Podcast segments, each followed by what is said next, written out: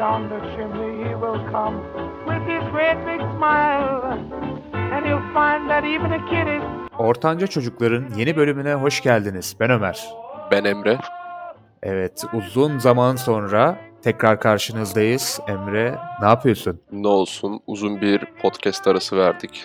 Artık ne kadar ara olduğunu ben bile unuttum açıkçası kayıtları da biliyorsunuz önceden aldığımız için. İki ay Yani- oldu galiba değil mi? İki aydır galiba ortalarda yokuz ve arayan soran sayısı 3 falan. Hani demek ki doğru yoldayız. Valla demek, bu ki, aralar demek ki doğru yoldayız. bana da öyle geliyor. Yani ben hatta sana bazen şey diyordum. Bir kere bir arayı açalım bakalım gerçekten seviliyor muyuz falan.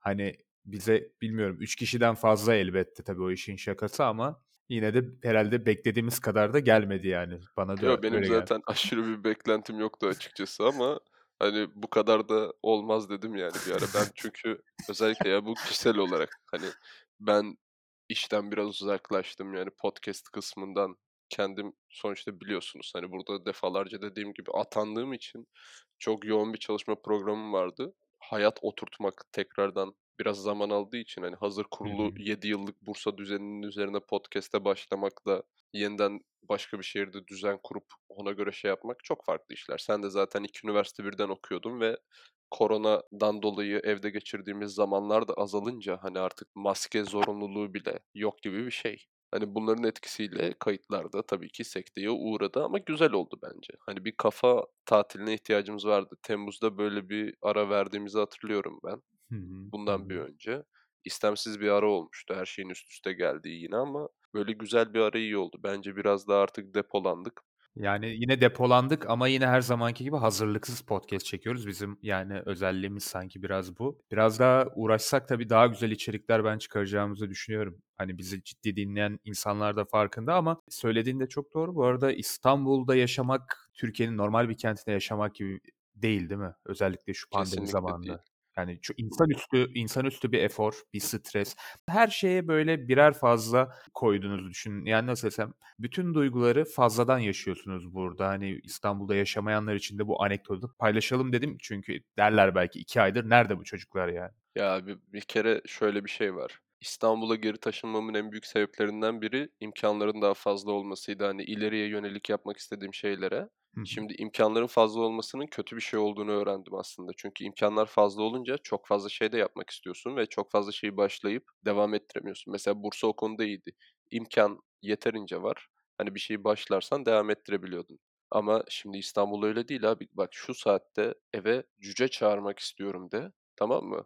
Hı hı. Büyük bir ihtimalle getir cüce tarzı bir site vardır ve getiriyordur yani işte ne bileyim parti cücesi saatliği 400 lira falan tarzı bir hizmet vardır. Hani buradan küçük bireylerden özür diliyorum tabii ki. Artık duyar dolu bir 2022 podcast'i olmamız gerekiyor ama bazen böyle hödük hödük şakalar yapabiliyoruz. Demek ki formumuzu da çok kaybetmemişiz. Paranız yoksa arkadaşlar İstanbul'da yaşamayın. Buradan alt e, size bir Zaten bilgi olsun. şu an şu an yaşayamazsınız. 5000 liradan ucuz kirası olan bir daire bulabilirseniz Değil mi? gelin beni bulun yani taşınayım. Cidden öyle. Kesinlikle yani 6 ay önce İstanbul'a taşındığım zamanki kiraların minimum 2 katına çıkmış olması çok şaşırtıcı. Bir de zaten günümüzün konularından biri olacak da ya Türk olarak İstanbul'da yaşamak artık imkansıza çok yakın bir şey. Bunların sebeplerini ve şeylerini ilerleyen saatlerimizde konuşacağız. Ben bu kaydın abi çok uzun olmasını istiyorum. Çünkü aylardır konuşmadığımız çok fazla konu var. Ve yani bunları ufak tefek notlar aldım. Yeri geldikçe de şey yapacağım ve uzun uzun da olabilir. Artık Sesimize her hasret konuya kişi iyice bizi dinlesin diyorsun aynen uzun uzun şöyle. dinlesin abi. Mesela yeni keşfeden biri olursa heh bu arada ufak bir hatırlatma da vereyim. Arka planda rastgele sesler duyarsanız arkadaşlar evde kedi var ve canı sıkıldığı için şu an sağ solu tepikliyor. Hani arada onu da kalkıp uyarmam gerekiyor. Hani kedi birey yapma lütfen tarzında uyarılarda bulunuyorum. Ve böylece o da kafa sallayıp miyavlıyor ve anladığını gösteriyor. Çünkü folik asitle besliyorum kediyi ondan dolayı zeki.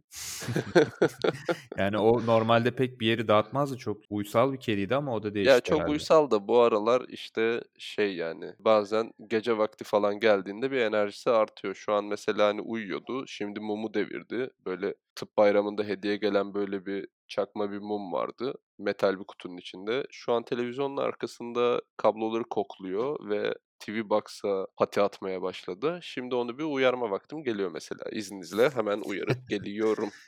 Geri geldim. Ve evet, kedi bireyi uyardıktan sonra gayet şimdi güncel konularla podcast'e hazırız. Ömer hazırsan ilk konuyu veriyorum. Hazır mısın? Evet. Hazırım. Abi en güncel konumuz. Biz bu kaydı alırken daha yaklaşık 2 saat önce Twitter'da konuşulmuş Mesut Çevik. YouTube kanalı var. Bilen arkadaşlar vardır. Onun Twitter'ından direkt alıntı yapıyorum. Haberin kaynağı ben değilim. E-Devlet 2022 verileri sızmış deniyor. Kimlik fotoğraflarına ve güncel adreslere kadar her şey var. Bilgisi olan bana ulaşsın yazmış. Yaklaşık biz bu kaydı alırken şu an 10 dakika sonra bir video çıkartacağını söyledi ama diğer mavi tikli hesapların verdiği cevaplara bakıyorum mesela. Ekin Kollama diye benim bilmediğim bir YouTuber var ama mavi tiki var. Onun attığı mesajda Ata Demirer'den tut Norm Ender'e kadar herkesin TC numarası ve telefonu var. Aha kedi televizyonu düşürdü. Bir saniye. Şimdi kedinin dayak vakti. Şaka yapıyorum. Evet, her şey yerinde ve sağlam ne diyorduk? Herkesin TC'si yine sızdığı. E-Devlet'te 2022'ye dair tüm veriler sızmış. Hı hı. Röportaj adamı mesela cep telefonu numarası sızmış. Hani kendisinin beyanı escort numarası gibi oldu. Herkes arıyor bugün beni demiş. Ve bir ton tabii ki de dolandırıcılık mesajlarına mahal vermişiz böylece. Mesela işte HGS borcunuz vardır, linke kredi kartı bilgilerinizi girip ödeyin tarzı. Bir ton insanın mağdur olacağı yeni dolandırıcılıklara hazır olalım. bilmem ne bilmem ne şirketinin hissesine dair bana böyle bir borç geldiğine dair mesaj geldi. Şöyle baktım mesela. Dün gece geldi bu arada. Hani hiç alakam yok o hisseyle. Borsada öyle bir hisse almadım yani. Acaba bundan mı olmuş olabilir diye düşündüm şimdi. Olabilir abi çünkü dediğim gibi sızan verilerden dolayı senin de şu an büyük bir ihtimalle kimliğinde olan biyometrik fotoğrafına kadar herkesin elinde bulunuyordur. Şimdi en güncel konumuz bu. Abi e-devlet verileri düzenli olarak sızıyor zaten. Hani bu ilk defa yaşanmış bir olay değil. Ben şöyle hatırlıyorum. Ben lisedeyken veya üniversitenin başındayken de bir ara tekrar bu olay sızmıştı. Hatta torrent linki vardı. O zaman 16 yaşından büyük mü? 18 yaşından büyük. Herkesin TC kimlik numarasının olduğu bir Evet, dosya evet. vardı 1 GB'lık. Yani bu birkaç yıllık bir olay. Ve yine sızmıştı ve baya böyle torrentten indirebiliyordunuz bu dosyayı. Hani ne oluyor? Tabii ki suça ortak olmamak adına indirmedik. Yani ben böyle şeylerden özellikle ekstra korktuğum için indirmedim ama yani dediğim gibi bu ilk değil, sonda olmayacak. Koskoca Türkiye Cumhuriyeti'nin tüm vatandaşlarının verisi neden bu kadar kolay sızabiliyor Değil mi? sence? Eskiden mesela bu kadar kişisel veriye dikkat edilmiyordu aslında bizde. Yani dediğin gibi oluyordu tam. Bir anda herkesin TC kimliğini bulabiliyordun ya da atıyorum eski sevgilinin adını soyadını arattırıp çeşitli GSM'lerden bulabiliyordun. Hani şimdi buraya kadar bu olay döndü. Yani elbette tabii birisinin işidir şimdi yüce devletimize laf etmeyelim. Çoğu bilgimiz maalesef bildiğin gibi herkesin elinde. Bu da dolandırıcılara, hackerlara falan bayağı bir onlara yarıyor. Yani onlara da istihdam kapısı açmış oluyorlar. Artık spam mailden ne bileyim şeyden geçilmeyecek yani. Tabii ki. Ya Çünkü bu dönemde bir de biliyorsun artık hani millet artık aç yani. Hani hepimiz burada Hint fakiri gibi tabiri caizse tabii. Geziyoruz. Sadece spam mailde değil, şöyle bir sıkıntı da var. Hani tamam şimdi biz teknolojiye haşır neşir insanlarız. Şey olmaz. Hani gidip Magnum çubuğuna TC'mizi yollayıp Lamborghini hayaliyle falan kaptıran insanlar da değiliz. Hı hı. Yani bizim kendi açımıza en azından mesela benim şöyle bir koruma taktiğim var abi. Bu taktiği öneririm. Mesela atıyorum Eksen'e kaydoldum. Kaydolurken adımı Emrecan Güven Eksen diye kaydediyorum. Mesela yarın öbür gün işte Mr. Eksen diye bir mail geldiği zaman ha diyorum Eksen hacklenmiş veya işte Eksen'e bir şey olmuş da verilerimi öyle çalmışlar. Hani veya işte X sitesine kaydoluyorum. İşte Emrecan Netflix diye kaydoluyorum. Ha diyorum Netflix'e bir şey olmuş. En azından nereden çaldırdığımı biliyorum. Mesela atıyorum üst üste Netflix'ten sürekli çalınan verimle alakalı mesaj gelse Netflix üyeliğimi değiştirir veya iptal ederim. Hani böyle bir yöntem yapabilirsiniz. Kredi kartı kullanmayı seven arkadaşlar kesinlikle sanal kart kullansın. Hani mesela ben de kullanmıyorum ama benim kredi kartımda limit yok. Ben evlenmek üzere olan bir adamım. Ondan dolayı sürekli borcum olduğundan hani borcumu çalacaklarsa çalabilirler. Kendim zaten parası şu an hani paycheck to paycheck yaşayan bir insanım. Verilerin sızdırılması neden önemli? Hangi açıdan soruyorsun bunu? Ya mesela şöyle. Mesela bence verilerin sızdırılmasıyla ilgili en büyük problem şu. Kişisel veri şu an insanların çok fazla umursamamasına rağmen genel toplum olarak Hı hı. büyük bir maden. Hani senin tüm alışkanlıklarını göz önüne seriyor. Mesela hani biz burada üst üste hatırlıyorsun podcast kaydı alırken işte mikrofon alalım, şöyle yapalım bilmem ne deyince hop Google Ads'den hiçbir yere Google'a yazmamamıza rağmen büyük Bir bir ihtimalle donanım olarak sesimizi kaydeden aletler sonuçta laptop vesaire hani mikrofonu olan aletler olduğu için bir anda karşına çıkıyor. Hani bu şekilde bir insanla ilgili yeterince kişisel veri toplarsan ona istediğini yaptırabilirsin veya istediğini ikna edebilirsin seviyesine geliyor. Kişisel veri bundan dolayı önemli. Mesela TC kimlik numarasını bildiğin için insana bir şey yapabilir misin? Eskiden şöyle bir korku vardı. İşte ah kimliğini unutma sağda solda üzerinde şirket kurarlar, borcun çıkar bilmem ne falan. Çatır çatır alıyorlar yani herkesin Hı. TC kimlik numarasını. Ya şu an Twitter'da ben neden Ata Demirer'in TC kimlik numarasının sonunu görüyorum. Mesela hani sansürleyip atmışlar bu insanlar mavi tikli olduğu için. Yani sansürsüz hali gelmiş onların paylaştığı. Hani bakın evet böyle bir şey var demek için. Yani kötü bir niyetli değil de Norm Ender'in TC kimlik numarası var adamda. Bu adam gidip vergi dairesinin Norm Ender'in vergi borcunu ödemeyecek.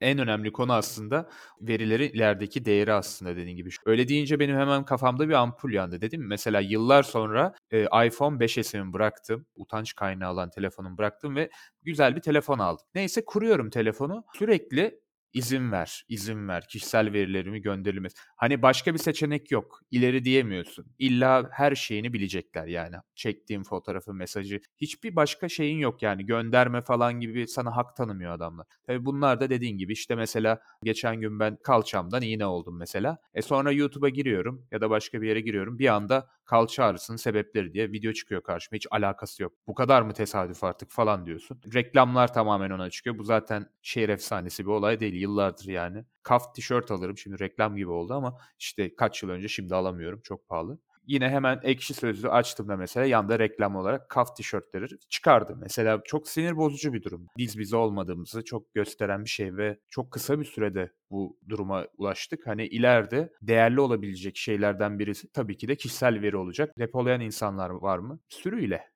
Yani onlara da çok yaradı bence. İleride en önemli şeylerden birisi de kişisel veriler olacak. E, Şu anda çok önemli. Yani ileri diyerek bunları konuşuyoruz ama yani şu anda inanılmaz önemli bir durum kişisel veri. Hani dediğim gibi en basitinden zaten yıllardır bize dayatılan. Hani bununla ilgili 5 yıl önceki videoları bile vardır yani. Hani çok yeni bir konu değil. İşte Google bizi dinliyor mu diye Türkçe video yapan da çıkmıştır. Şu an ünlüdür YouTuber büyük ihtimalle. Şu anın ünlü YouTuber'ların eskiden yurt dışından çaldığı cringe video konularından biriydi bu. Neydi işte? Abi mesela sürekli adamlar deney amaçlı X konusunu çok konuşuyorlar. X konusuyla ilgili reklam çıkıyor. Yeni işte telefon alıyorlar. Paketinden açıyorlar. Hiçbir bilgi girmeden X konusu konuşuyorlar telefonun etrafında. Hop Google Ads onunla alakalı şeyler çıkartıyor. Bununla ilgili daha önce mesela ben hatırlıyorum böyle bir LG'nin televizyonunun galiba ekran görüntüsü kaydetme teorik olarak yapabileceği bir şeydi ama izni yoktu. Böyle evdeki bir cinayetten sonra falan hani televizyonun hacklediler. Yani polis aracılığıyla böyle bir hacklenme vesaire erişim izni oldu ve cinayeti evdeki teknolojik aletlerin senin iznini vermediğin verileriyle çözdüler. Yani bu şöyle bir şey uyandırıyor. Evet çok güzel cinayet çözmüşler ama evde böyle bir şey var. Resmen evde yaptığın her şey istenirse izlenebiliyor. Ya şöyle düşün. Yurt dışında çok fazla var da hani Türkiye'de yok. Alexa diye bir alet var Amazon'un biliyorsun. Hani aslında sesli bir yardımcı. Abi bu Alexa'ya büyük bir ihtimalle evde konuştuğun her şeyi offshore yani uzakta bir serverda depoluyorlar. Mesela atıyorum hani gerçekten bunu yapıyorlar mı? Yapıyorlar. Çünkü sen tüketicisin. İşte belli bir gelirin var. Premiumsundur, değilsindir artık neyse ne ama senin de sonuçta bir harcama potansiyelin var. Emeğin karşılığında aldığın bir şey var ve bunun karşılığında para harcıyorsun ve bu parayı kazanmak isteyen insanlar var. Ve adamlar sana evini resmen şey yapmak için evine mikrofon takmalarına gerek kalmadı. Çok tatlı bir alet çıkarttılar Alexa diye ve sen evine koyuyorsun evde fişe takılı bir mikrofon, sesli asistan. Alexa işte caz müzik çal diyorsun, çalıyor. Ama aynı zamanda eşinle konuşurken mesela ya işte düğüne şunu giyeyim veya işte televizyon olarak bunu alalım falan tarzı yaptığın sıradan ev muhabbetlerini bile dinleyebilen bir alet var. Böyle bir donanımı var. Teknik olarak dinliyor mu? Hayır, dinliyor diyemezler tabii ki ama dinliyordur. Kişisel veri çok önemli bir konu ve bu konunun önemini böyle 30-35 yaşından genç insanlar daha iyi anlıyor. Teknolojiyle haşır neşir olmasa bile düşün yani. Aynı üründen 3 tane şeye bak. Trendyol'da 3 tane mikrofon bak mesela. Google Ads'inin hepsi mikrofon olur birdenbire. Yani bu kişisel verinin en basit kullanım alanı bu. Yani bu arada ben bunları konuşurken arkada kedi kendi kendine deliriyor. Delirme vakti geldiği için arkadaşlar. Kedi sesinden rahatsız olan varsa siktir olup gidebilir.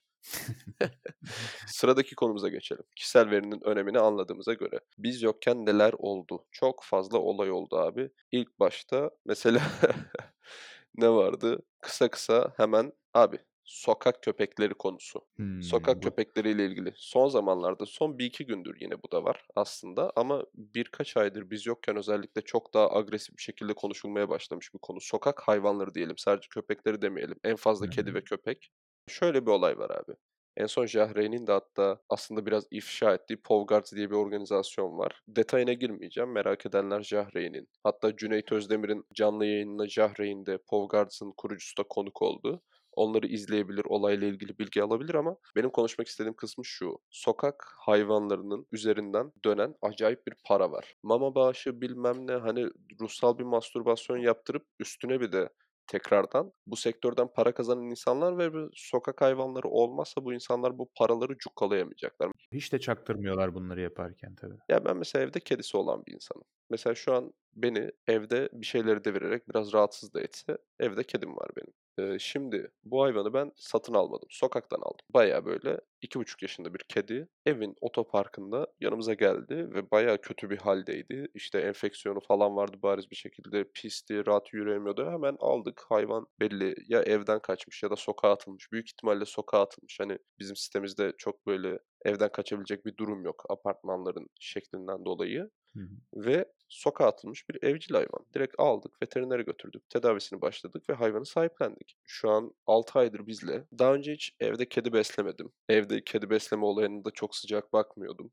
Çünkü negatif yanları var. Hani ben öğrenciydim mesela. Hani maddi olarak yetişemeyeceğimden dolayı ne yapıyordum işte sokak hayvanlarına param varsa mama alma tarzı şeyler yapabiliyordum. Hani tamamen sorumluluğunu alamıyordum. Şimdi bakıyorum da abi sokak hayvanları üzerinden dönen inanılmaz paralar var. Mama bağışı diye para topluyorlar. Yok işte kulübe bilmem ne para toplama. Sanal hayvan sahiplenme diye bir şey var. Bu galiba dünyada bayağı yaygınmış. Şimdi tokatçılar Türkiye'ye de getirmiş. Basit bir şekilde işte yıllık atıyorum 1000 lira 2000 lira bir para veriyorsun ve o 2000 lirayla senin adına bir sokak köpeğine bakılıyor veya kedisine artık neyse. Bu tarz böyle çok fazla olay var ve insanlar da insanların böyle bu nasıl söyleyeyim Snowflake'liğe kanmaları. Aynen naifliğinden faydalanarak bağış adı altında insanlar para topluyor. Anonim şirketler kuruyorlar dernek yerine ve bu anonim şirketlerde insanları dernek diye gösterip gönüllü çalıştırıp bedava iş gücüne de ulaşıyorlar. Hiçbir şekilde sigortası yatmayan, maaş almayan bir ton işçin oluyor. Dernek kısmıyla bu işleri hallediyor. Mesela diyorsun ki bana para ver kulübe kurayım. Tamam dernek adına parayı topluyorsun. Anonim şirket üzerinden kulübeyi satıyorsun. Sonra dernek üzerinden gönüllü olarak insanları çalıştırıyorsun. Acayip bir gelir elde ediyorsun. Çalışan 3 tane adam var. Onlar da şirketin kurucusu olarak gözüküyor. Milletin ruhani mastürbasyonunu yaptırıp paralarını tokatlıyorsun. Ve bu insanlar da şunun farkında. Sokak hayvanları ile ilgili gerçek çözümler alınırsa bu tokatladıkları sektör kapanacak. Ve şu an Mesela son 5 yılın en güzel tokatlama sektörlerinden biri de sokak hayvanları üzerinden yapılan bu dernekler vesaireler. Hani gerçekten Arkada bak kızıyor ama söylediklerine bayağı kızıyor. Ya arkada o yerde halı kullanmadığımız için virajları alamıyor. Pati çekiyor ondan dolayı. Evde koşmaya başladığında rastgele. Ondan dolayı sesleri geliyor olabilir. Neyse bu abi sokak hayvanları üzerinden insanların tokatlanması konusuna ne diyorsun? Abi şöyle geçen mesela hemen yine başka bir şey aklıma geldi. AVM'ye girdik Mecidiyeköy'de ve hemen alt kata indiğimizde bir kız karşıladı. E, İşte şu üniversitenin işte sokak hayvanlarına yardımcı oluyoruz bilmem ne yani çat diye. Ve hiç tipi de bu arada hiç güvenilir gelmedi yani pek inanmadım açıkçası. Bayağı bir tokatçıya benziyordu. Her neyse mesela bu durum benim sıkıntı çektiğim durumlardan biri. Hani şu an Allah'tan bir mağduriyet yaşamadım bu konuda ama hani bizim Davutpaşa kampüsünde Yıldız Teknik'te çok sokak hayvanı var. Sokak hayvanlarını seven bir kitle var bizim üniversitede. Bayağı da bir insan yaşıyor. Kaç bin insan var bilmiyorum kampüste ama bu hayvanlar yeri geliyor çok saldırıyor. Bir, birkaç arkadaşıma mesela net saldırdı yani. Topluca saldırıyorlar. Hatta bir kere ben geçen gün yürürken arkadaşla falan bir anda böyle sardılar etrafımızı çok tuhaf bir şekilde. Yine kurtulduk falan da işte yemekhane çıkışlarında işte artan yemekleri falan oradaki sokak hayvanlarına falan veriliyor. Şimdi bakıyorsun bizim zaten en büyük gelir kaynaklarımızdan biri Türkiye'de yani bir duygu sömürüsü yani duyguyu sömürmek üzerinden çok büyük paralar dönüyor. Dünyada bir endeks falan yapsan ilk üçe girebilir Türkiye bu konuda. Duygusallık, dilencilik. Tabii bunu dilencilikle bağdaştırmıyorum. İyi niyetli insanları tenzih ederim ama bu tarz konularda insanların hani duygularını sömürüp kendi çıkarları için özellikle bir de işte iyice artık ekonomi de bayağı kötü durumda. Hani enflasyon nereleri geçti? Daha bunun üzerine ne diyelim O yani? konulara o konulara hiç girmeyelim. Yorum belirtirsek yani çok bela alırız başımıza. Tabii yani mesela şöyle söyleyeyim ben kantinden geçen gün bir tane minik tekli bir sakız aldım 1 lira dedim abi ya nasıl yani 1 lira falan. Enflasyon dedi bana. İyi dedim tamam o zaman sağ ol falan böyle ufacık bir sakızı 1 TL'ye almış oldum. Her neyse yani içinde gerçekten kaç tane iyi niyetiyle yardımcı oluyor. Ama aslında iyi niyetiyle tamam derken her şey niyet mi diye insan soruyor. Çünkü yardımcı oluyorum derken hayvanların üremesine de yardımcı oluyorsun. Daha aslında uzun vadede daha büyük bir sıkıntıyı ortaya çıkarıyorsun değil mi? Yani bu yüzden de sokak hayvanlarına e, olumlu bakamıyorum. Tabii ki de hiçbir canlı ölmesin, kimse acı çekmesin falan da işte maalesef öyle bir dünyada yok. Ya şimdi şöyle, sokakta bir hayvanın, kedilerin biraz daha fazla tabii ama ortalama ömrü 4 yıl. Özellikle köpek konusunda biliyorsun biz zaten Çatalca gibi bir yerde büyüdük. Hani biz büyürken de köydü, merkezi olmasına rağmen hani basit bir şekilde şu anın köylerinden biriydi. Yani şu an köy diye bir şeyi nasıl tasvir edebiliyorsunuz aklınızda, hayalinizde o Çatalca'ydı. Ve çok fazla sokak köpeği vardı, kedisi de vardı ama köpekleri. Şimdi köpeklerde daha çok böyle bir sürüleşme eğilimi var ve bölgesellik var. Yani bölgelerini, teritorilerini acayip koruma eğilimleri var. Hatırlıyorsan yani senle gece arabayla gezerken arabanın etrafını sarıp birdenbire ön kaputa falan koşarak kafa atmaya başlayan sokak köpeklerini hani bu 10 yıl önceki olay baktığın zaman ama yani o zaman da vardı. Bu aralar şöyle bir sıkıntı olmaya başladı. Artan nüfustan da dolayı ve bu hayvanların bilinçsiz bir şekilde bakılmasından dolayı. Tamam sen gidiyorsun mesela ne oluyor? Yemek artığı veriyorsun, işte mama veriyorsun vesaire ama şey yani bu hayvanların bir şekilde aslında dediğin gibi kontrolsüz üremesine ve yaşamasına da destek oluyorsun. E destek olmak kötü mü? Şöyle kötü. Mesela sokak köpeklerinin yani son zamanlarda artan çok fazla başımıza gelen olaylardan biri işte evin önündeki köpekler kovaladı, trafiğe atlayan kız, çocuk vesaire yüze otobüs çarptı öldü. Böyle çok fazla olay yaşanmaya başladı veya yaşanıyordu ama artık çok fazla göze batmaya başladı diyelim. Yani negatif yanı çok fazla. Bununla ilgili kesinlikle agresif çözümler alınması lazım. Birincisi kesinlikle kısırlaştırma. İkincisi kesinlikle hani bu bizden toplanan vergilerin doğru bir şekilde harcanması lazım. Mesela nasıl barınak şartlarının iyileştirilmesi, sokaklardan toplanması ben destekliyorum. Hani itlaf edilmesini değil de toplanmasını destekliyorum. Dört, mesela Yunanistan'da bildiğim kadarıyla şöyle bir model var. Yanlışsam düzeltin ama hani bayağı abi sokak hayvanı çözümü için hayvanları topladılar ve devlet zorla birilerine kitledi hayvanları. Mesela Hımm. atıyorum sokak köpeklerini topladı Çatalca'daki.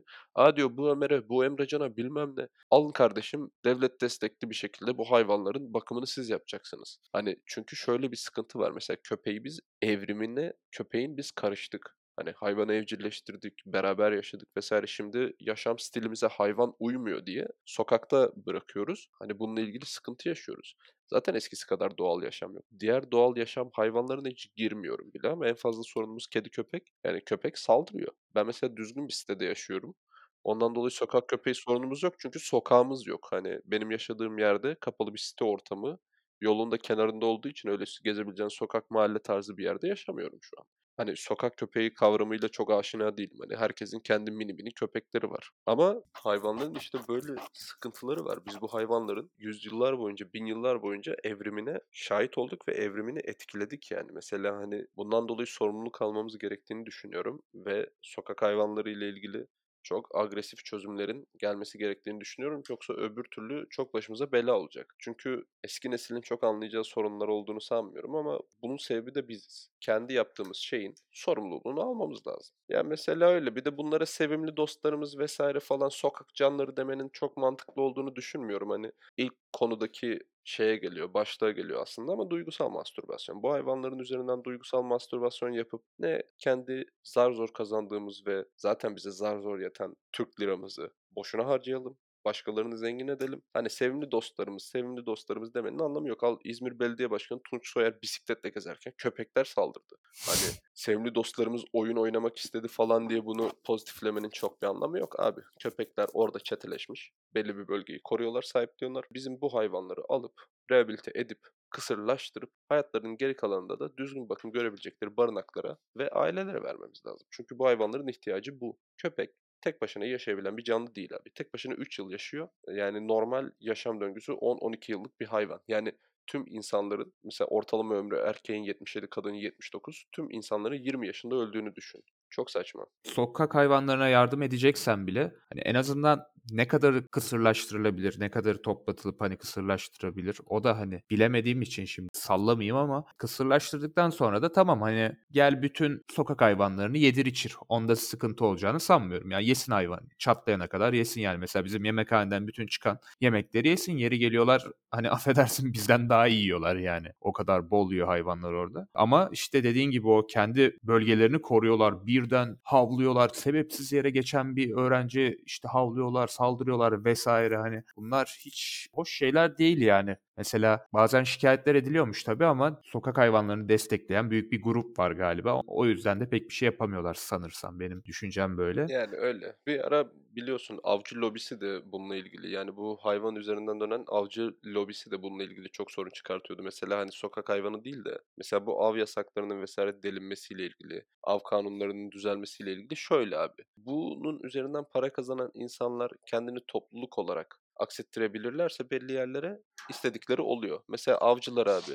Avcılar bu ülkenin en büyük üçüncü silahlı milis grubu. 2 milyon falan kayıtlı avcın var. Ne demek? 2 milyon tane silah kullanmayı ve hayvan avlamayı bilen teoride insanın var. Hani bu adamlar diyor biz yani bu ülkenin en büyük milis gruplarından biriyiz. Hani bizim dediğimiz olsun. Dernekleşmişler, sendikalaşmışlar ve istediklerini haksız da olsa yaptırabiliyorlar.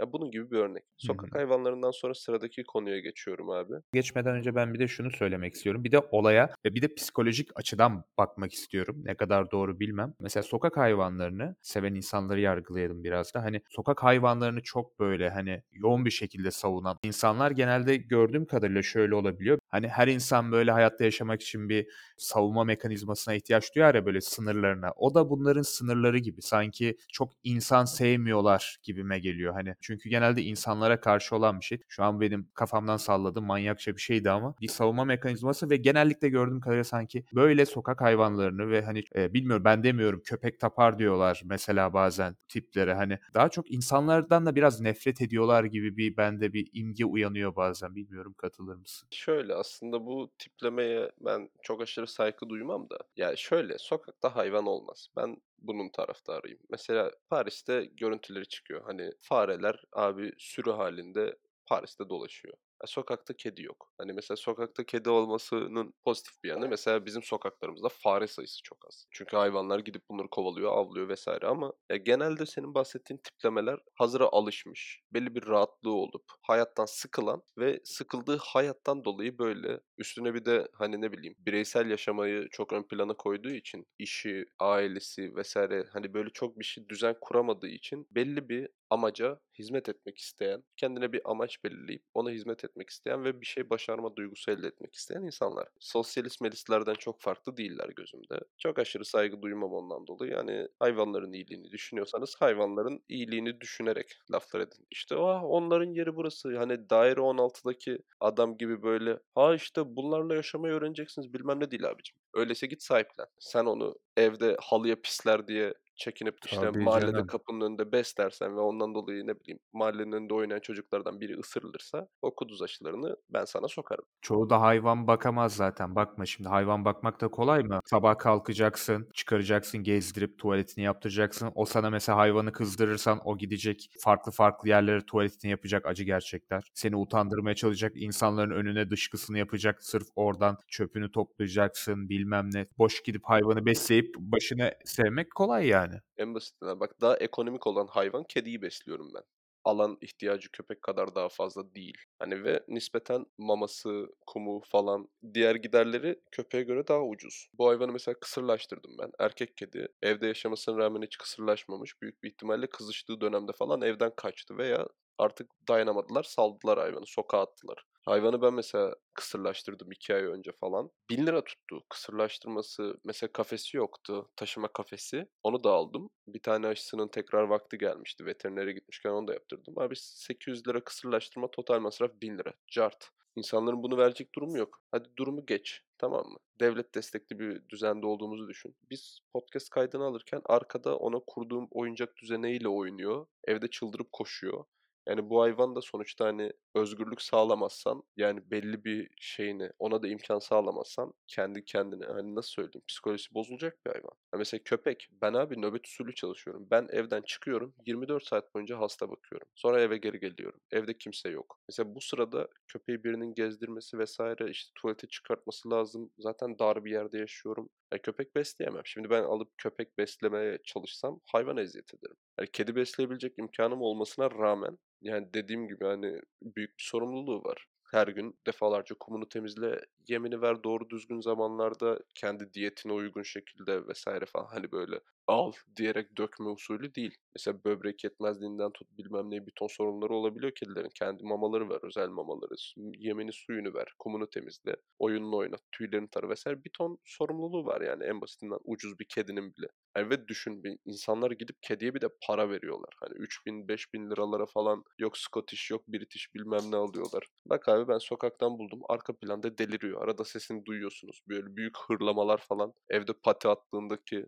yani böyle patinaj çektiğindeki sesler falan ahşapa vuran onların. Neyse sokak hayvanları konusunu geçiyorum abi. Çünkü bu konu bitmez. Daha ilerleyen günlerde tekrardan çıkacak. Heh, değişik değişik ufak tefek konular var. Bunların üzerinde çok uzun süre durmadan kısa kısa bahsedelim. Şöyle bir konu olmuştu. Hatırlıyor musun bilmiyorum. Yılmaz Güney'i anma seremonileri tekrar başladığında insanlar Yılmaz Güney'in nasıl bir sosyopat katil pislik olduğunu görüp Yılmaz Güney'i anmayı vazgeçti ve anan kurumları tokatlamaya başladı. Yılmaz Güney ile ilgili kısaca düşüncelerin nedir? Anılması gereken bir insan mı yoksa benim düşüncem gibi mahlukat pisliğin teki midir? Sinema oyuncusu olduğunu biliyorum. Bir de bir sansasyonel bir olayı vardı ama çok aram olmadığı için o zamanların filmlerini pek izlemediğim için tam da bilgim yok açıkçası. Şimdi yalan atmayayım. Ya şimdi şöyle, e, Yılmaz Güney çirkin kral olarak vesaire falan anılıyor ama kesinlikle oyunculuk yeteneği yok. Hakim öldürmesiyle ünlü aslında. Bayağı gazinoda Hmm. hakim öldürmesiyle. Öldürdüğü hakimin tam ismini de şimdi tekrardan bakayım.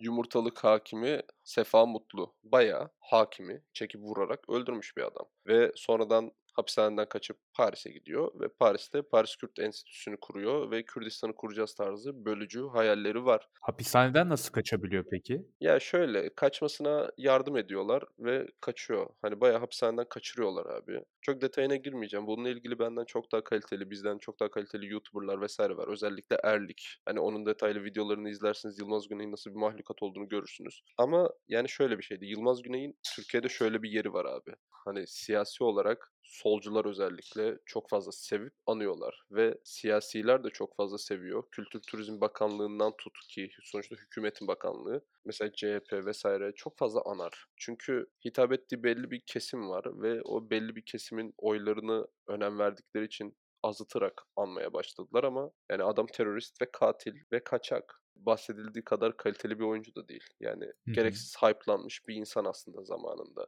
Kör Bilal gibi düşün. Bilal neydi? Şengöz müydü adamın soyadı? Bilal Göregen abi. Ya bu adam mesela gereksiz hype'lanıp yeteneksizsinizi kazanmış mıydı? İkinci mi olmuştu? Hani çok yetenekli bir arkadaşımız mı? Hayır. Ama engelli olmasına rağmen bir şeyler başarabildiği için gereğinden bence Viral oldu ya yani. viral oldu. Gereğinden biraz fazla ünlü oldu. Çünkü dediğim gibi yine tüm günün konusu olan duygusal mastürbasyona giriyor da. Hani gereksiz zamanında hype'lanmış Kürt asıllı olduğu için. Yani bu Kürt, Türk, sağ sol vesaire olayların tavan olduğu bir yerde de piyasayı iyi değerlendirmiş. Yılmaz Güney'in anılması artık özellikle internet sayesinde gerçek bilgi ulaşabildiği için Yılmaz Güney anmalarında vesaireyi artık Hakim Sefa Mutlu'nun hak ettiği bir şekilde anılmasına dönüşmeye başladı. Ben bu olaydan mutluyum. Biz yokken mesela işte bu oldu tekrardan. Yılmaz Güney anmaya çalışan herkes linçlenmeye başladı. Yani kısaca olay bu. Yılmaz Güney ile ilgili de arkadaşlar biraz araştırma yapmanızı öneririm. Yorumlarda şimdi triggerlanan 3 tane falan insan olacak büyük ihtimalle. Hani onlar da kanaldan abonelikten çık diyerek gidebilirler. Yani Yılmaz Güney seven bir insanın bizim kanalımızda çok bir işi yok. Bunu bahane etmesinler. Sıradaki konumuz Bergen filmini izledin mi? İzlemedim tabii ki. Abi kesinlikle öneriyorum. Hiç olmazsa olayları biraz daha şeffaflığıyla anlatılıyor. Ama şöyle bir sıkıntı var. Bergen filminin olayın geçtiği yerde gösterime girmemesi, Bergen'in katilinin bayağı yani bu olayla ilgili açıklama yapması vesaire Türkiye'de kadın hakları ve genel olarak insan hakları ile ilgili durumu ortaya koyuyor. İzlemediğin için çok detaya girmeyeceğim ama katil hala aramızda ve bayağı yani böyle kıskançlıkla öldürüyor. Bergen filmini izlemenizi öneriyorum arkadaşlar. Film güzeldi. Hikayeyi anlatıyor ve Türkiye Cumhuriyeti'nde eleştirebileceğiniz yeni yeni konular. Nuri Alço bayağı bir eleştirmiş galiba genelde bu sıralarda gündem olan konulardan biri. Bergen filmini ağır bir şekilde eleştirmiş. Başarı olmadığından bahsetmiş. Yani Gişe onun başarısı pornoları çok mu başarıymış?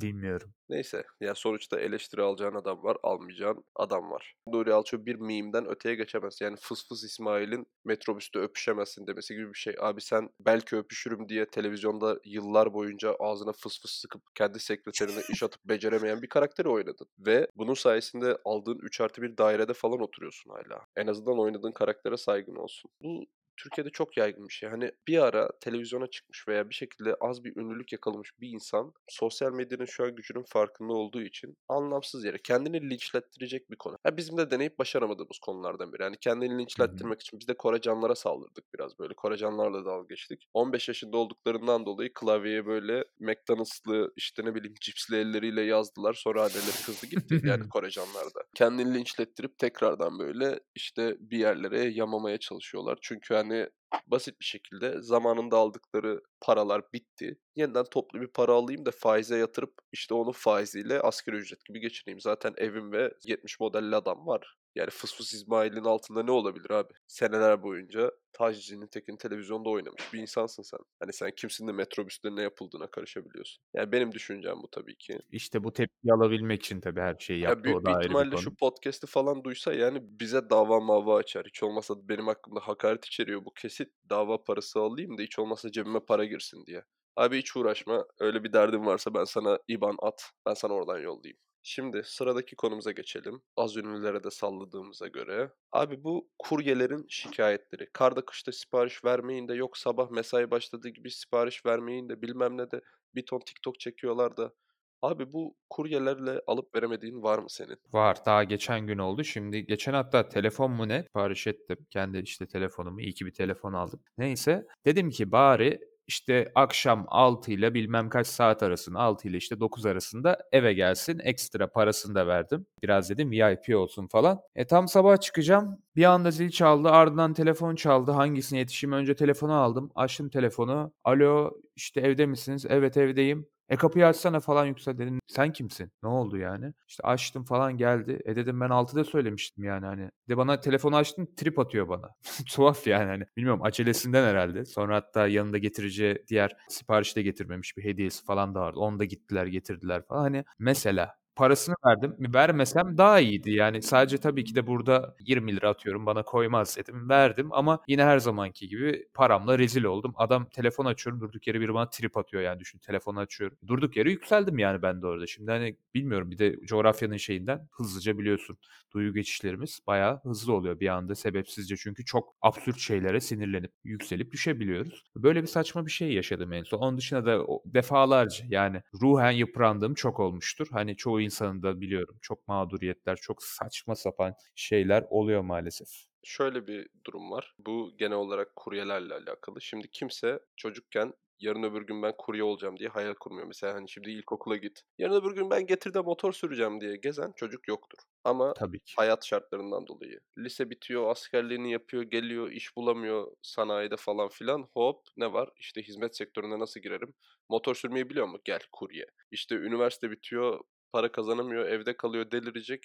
Ne yapayım? Hop kurye. Hani insanlar başka bir şey yapamadıkları için ve motor sürebildikleri için kurye oluyorlar. Kimse hani 4 yıllık ne bileyim Marmara Fakültesi kurye ve hizmetçilik bölümünden mezun falan değil yani.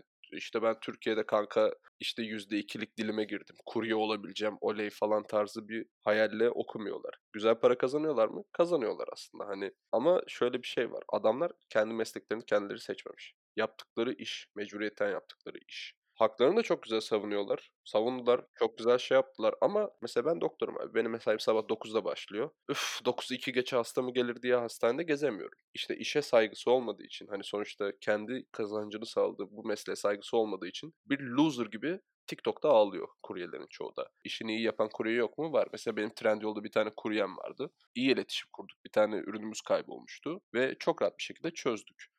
Hani insanların yedek mesleklerinden biri olduğu için kuryelik, garsonluk vesaire hani sadece para ihtiyacından dolayı abi ne iş olsa yaparım mesleklerinden biri olduğu için elemanları da çok tripli. Bizim bir kurye dinleyenimiz vardı. Ona da selam olsun bu Ya arada. selam olsun ama yani şöyle ve negatif yorum alırlarsa meslekle ilgili mesela sen abi o telefonu getiren kurye şöyle rezildi böyle rezildi diye yorum yapsan adamın ekmeğinden edeceksin. E biz de Tabii. Türk insanı olduğumuzdan dolayı bunu sevmiyoruz. Böyle bir şeyimiz var. Yani mesela kurye kötüydü desek dışarıda kurye olmayı bekleyen milyonlarca insan olduğu da için hani çok hızlı yerini doldurabilecek bir sektör. Sen de öyle bir yorum yaptığın gibi biliyorsun büyük bir ihtimalle atılacak işten. İşten atılınca kişisel verilerin koruma kanunu olsa dahi işte sen benim hakkımda kötü yorum yapmışsın da bilmem ne de senin yüzünden işimden oldum diye seni cep telefonuyla arayacak ve büyük ihtimalle kavga edeceksin. Böyle bir sektör kişisel verilere tekrar gelmiş olduk, değinmiş olduk böylece ama kuryeler abi Türkiye'deki kuryeler sosyal medyanın da yine etkisiyle çok loser bir profil çiziyorlar.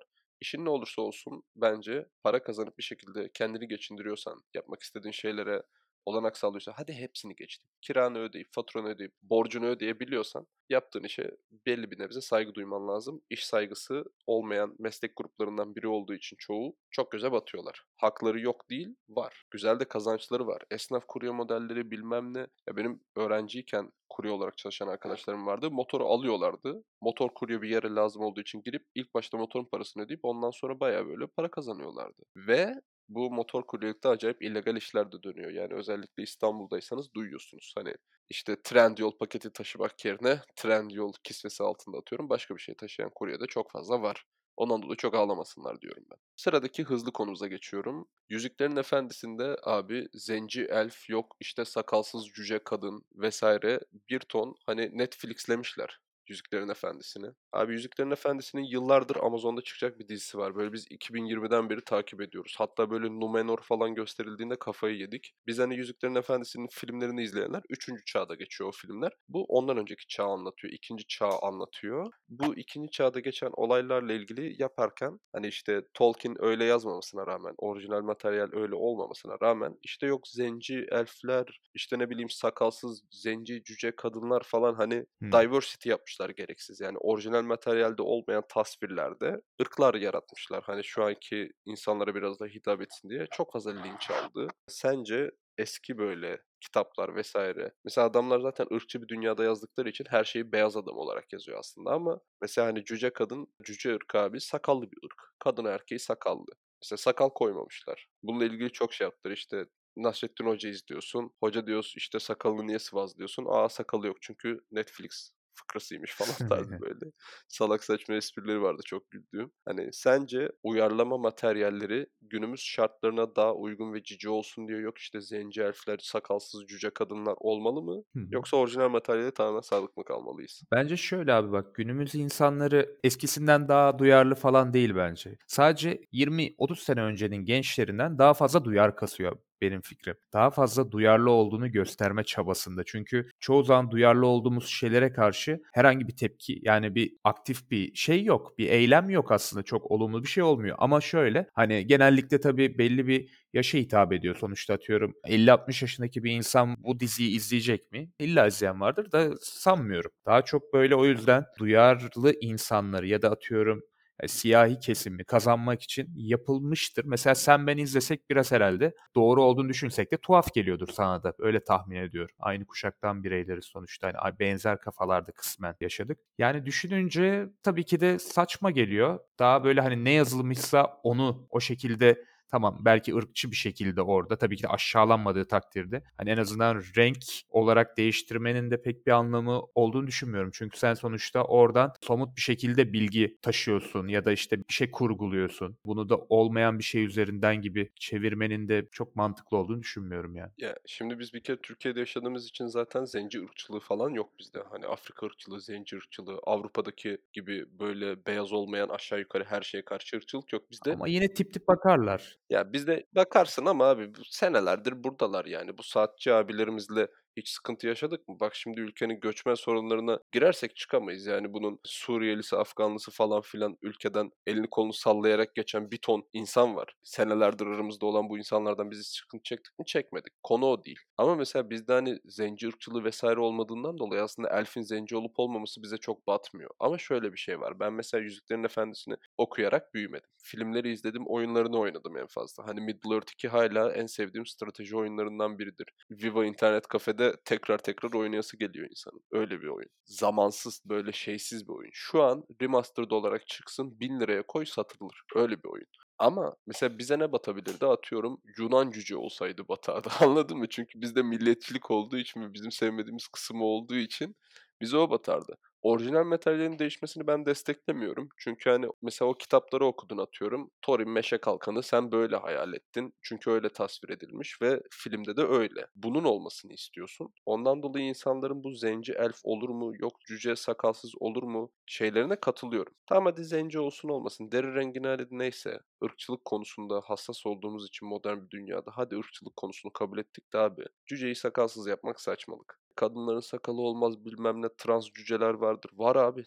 Zaten var. Hani biz ona yok demiyoruz ama yazar yazarken işte ne bileyim Thorin Gandalf'la flörtleşmemiş ama Gandalf oynayan aktör gay ve aynı zamanda Sir. Çoğunluğun hayal gücüne göre yazmış diyorsun bir nevi. Ya kendi hayal gücü abi. Adamın zaten yazma hikayesi fakirlikten ölürken bak Yüzüklerin Efendisi'nin çıkış hikayesi şu. Fakirlikten ölüyor adam ve evinin ahşabında bir delik var. İşte bakıyor diyor ki yerin altında küçük bir delikte hobbitler yaşar. Ve abi buradan Yüzüklerin Efendisi çıkıyor. Böyle bir random bir beyin fırtınasındaki aradaki bir düşünceden çıkıyor tüm Yüzüklerin Efendisi evren. Tuttukça yazıyor, yazdıkça ilerliyor falan. Hani ya Hobbit filmleri katliamını biliyorsun. 400 sayfalık bir kitabı 3 film yaptılar. Koskoca Yüzüklerin Efendisi üçlemesini çok güzel bir 3 film yaptılar. Mesela o Legolas'ın kalkanla kayma sahnesini 150 çekimde falan alabilmişlerdi. Hobbit'te full CGI basıp kitabı iyicene parçaları bölüp para tuzağı gibi kullanmışlardı. Neyse ne diyordum. Yani ben orijinal materyale sadık kalınması taraftarıyım. Kesinlikle hani böyle ırklar vesaireler falan. Hadi bu kadar batan insan varsa değişsin. Ama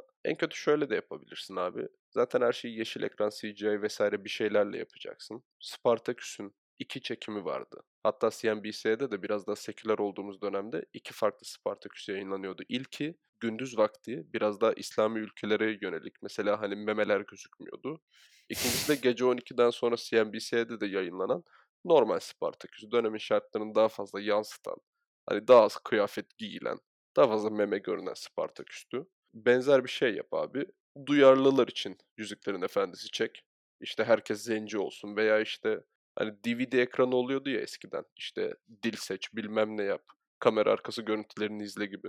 İşte kontrast ayarları gibi cüceler, zenci, beyaz, sarı, bilmem ne diye onları da böyle televizyon ayarı yapar gibi yap abi. Hepsini çeksin adamlar. Sen parasını ver. Cüceleri zenci olarak izlemek istiyorsan izle. Hani interaktif bir video olsun. Zaten bunu yapabilecek imkanımız var. Netflix'e artık aylık 80 lira para vereceğiz yani. Netflix zamları falan da geliyor. Ben orijinal materyale sadık olunması gerektiğini düşünüyorum. Ama çoğunluk ne derse biz orijinal materyale sadık olunsun desek de ne çıksa izleyeceğiz. Duyarlı insanları kaybetmemek için bir nevi Türkiye'deki siyasette hani X oylarını kaybetmeyelim diye her tarafa yamlanmaya çalışıyor ya şu an siyasiler. Aynı bokun laciverti olarak görüyorum. Ben mesela böyle şeylere çok da şey yapmıyorum. Erasmus'ta falan dururken sürekli mesela duyar postu paylaşıp bildiğin ayrımcı, ırkçı insanlar gördüğüm için diyorum ki hani bu işlerin hepsi zaten çoğu zaman genellemek yanlış ama duyarlı olmak var. Ee, bir de duyar kasmak var. Bu da duyar kasmak benim gözümde. Neyse onu yazın kardeşim diyorum ben de senin gibi. Yani kesinlikle. Bir de senin gittiğin ülke zaten acayip bir PKK yandaşı ülke olmasının da böyle bir etkisi var. Yani İsveç gibi böyle pro PKK bir ülkeye gitmenin de tabii ki böyle 200'lü insanlarla dolu olmasının şey var. En basitinden Danimarka'da mı olmuştu yakın zamanda? Bayağı abi Ukraynalılar hani beyaz insanlar, bu insanlar senin benim gibi beyaz insanlar bunları alacağız deyip alıyorlar. Ama böyle Orta Doğulu bir sığınmacıyı bayağı böyle zapt edemedikleri için hayvanları uyutan dartlarla vurup bayıltıp sınır dışı ediyorlar. Hani Avrupa ırkçılığı böyle bir şey arkadaşlar. Bundan sonra da paylaşıyorlar, duyar kasıyorlar. İşte biz her renge şöyle saygı duyuyoruz. Mesela bunu yapanlar bayağı Orta Avrupa'dan, ülkeden insanlardı. Fransız, ne bileyim Belçikalı falan. Onlara göre şeydir ırkçılık mesela. Sadece hani yüzüne söyleyeceksin böyle hakaret, aşağılama da o zaten suç gibi bir şey kabul edilir. Şöyle düşün yani bir şey paylaşıyorlar. Biz bu olayın karşısındayız. Böyle bir şey olamaz bilmem ne. E bakıyorsun oradan geçen siyahi birisi var mesela işte ya da başka birisi ya da Orta Doğulu işte Arap falan arkadaşlık kurmak istemiyorlar. Daha baştan yani baştan şöyle bir uzaktan bakıyorlar konuşmuyorlar hissediyorsun sadece bu şey değil paranoya falan filan değil. Sonra da şeyde Instagram'da paylaş ben de götümle gülerim onu işte.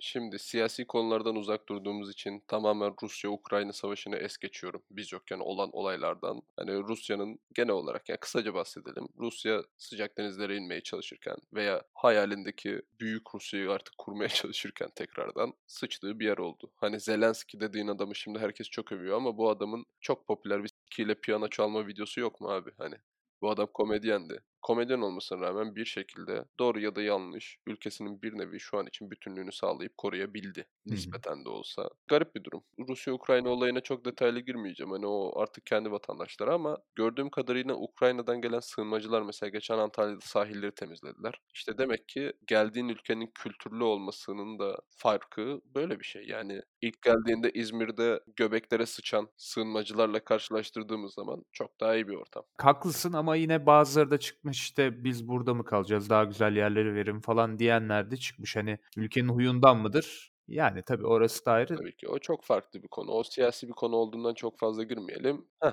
şimdi benzin fiyatları fırladı. Evet. Brent petrolün varili 133 dolara kadar yükseldi. Benzin fiyatları fırladı. Ondan sonra şu anda 98 dolara indi tekrar inmesi lazım ama inmiyor. Hani dolar yüksekken vesaire zam yaparken bir şeye dünyada da pahalı vesaire deyip zam yapıyoruz ama iş dünyada indirime gelince indirim yapmıyoruz. Bunun sebebi alışmış kudurmuştan beterdir diyerek ülkeyi kırbaçlamak mı? Bu şöyle bizde biraz istatistiksel olarak bence biraz oyun değil de işte atıyorum normalde bakılıyor şu an hani ekonomi çok kötü gidiyor abi işte enflasyon vesaire konuştuk. Bakıyorlar hani ne taraftan olayı kısabiliriz? İşte enflasyonu kalitesine göre, hizmetin kalitesine göre değerlendiriliyor vesaire. Hani biraz daha giderek böyle bir istatistiksel oynama yapılıyor. Deniyor ki petrol fiyatlarına zam geldiğinde Avrupa'ya baktığın zaman Avrupa'ya göre fiyatlar biraz daha bizde yani uygun. O yüzden zam biraz daha meşrulaştırılmış falan oluyor. E, şu an hani durumumuz iç açıcı değil. Söylesem de söylemesem de böyle artık kimse reddedemiyor. Yani Konya'daki, Çorum'daki dayılar haricinde.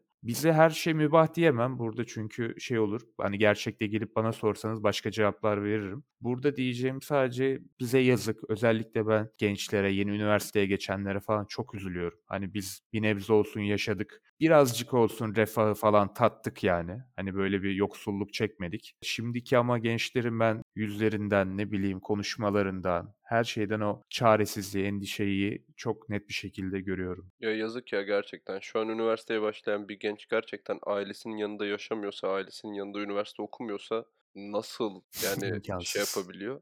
Yani işte burada da daha önce bahsettiğimiz konulardan biri olan zaten ucuz ama başka hizmetler veren yurtlar giriyor işte ne bileyim tarikat yurtları falan. Kesinlikle karşı olduğum oluşumlardan biri daha. Yani gerçekten çok acı. Biz nispeten biraz daha yaşadık üniversite hayatını. Özellikle 2000 ile 2010 arası falan üniversite okuyanlar zaten hani mahvetmişler. Gerçek üniversite hayatını yaşayan insanlar onlar. Biz yine çoğunu yaşamadık ama gerçekten acıyorum. Şu an mesela üniversiteye yeni başlayan bir kardeşim varsa şimdiden çalışmaya başlaması lazım. Hani ben yıllar önce kardeşim üniversiteye başlarken çalışacağı işi ayarlamıştım Bursa'ya kazansa ki yetebilsin kendi kendine diye. Çünkü yani her şey çok pahalı. Şöyle söyleyeyim. Üniversiteye yeni başlayan birine önereceğim aletlerden biri mesela Kindle. Abi bir kere ver parasını. Yine pahalı bir ürün. İkinci el al. Sahibinden de güzel bir ikinci el piyasası var. Ver ve her şeyi sahte PDF olarak e-book'unu al, öyle oku. Çünkü biz mesela ben tıp fakültesine başladığımda anatomi atlası 140 liraydı netter. Hani 2 tane anatomi atlası vardı. Biri Sobotto, biri Netter. Bu Netter bir ressam tarafından çizilmişti ve 140 liraydı. Sobotto bilgisayar tarafından çizimdi ve 330 liraydı. 3 atlastı. Böyle kemik kısmı yani ilk aslında baktığın zaman ilk 2 ay Sobotto daha iyi. Geri kalan tüm fakültesinde Netter daha iyiydi. Ve şu an o Netter atlasının eski baskıları 400 lira civarı. Ben güncel baskısını o zaman şey yapmıştım. 140 liraya almıştım. Hatta böyle sert kapaklısı falan şeydi. 160 liraydı. Bu Sobotto'lar 330 liraydı. Bu Sobotto'lara bakalım. Şu an fiyatına, güncel fiyatına bakıyorum hemen. Güncel fiyatı aynı Sobotto'nun. Fakülteye başladığım 2013 yıldaki Sobotto'nun şu anki fiyatı 780 lira. Ve bu anatomi atlaslarını zorunlu olarak almak zorundasın. 780 liraya atlas alacağına git kardeşim. ikinci el 1000 liraya Kindle al. Her şeyi e-book olarak yükle. Üniversiteye yeni başlayan insanlar her şeyin sahtesini veya korsanını nasıl bulabilirim diye bakması gerekiyor. Çünkü orijinallerini alabilecek, bandrollü ürün alabilecek paranız yok.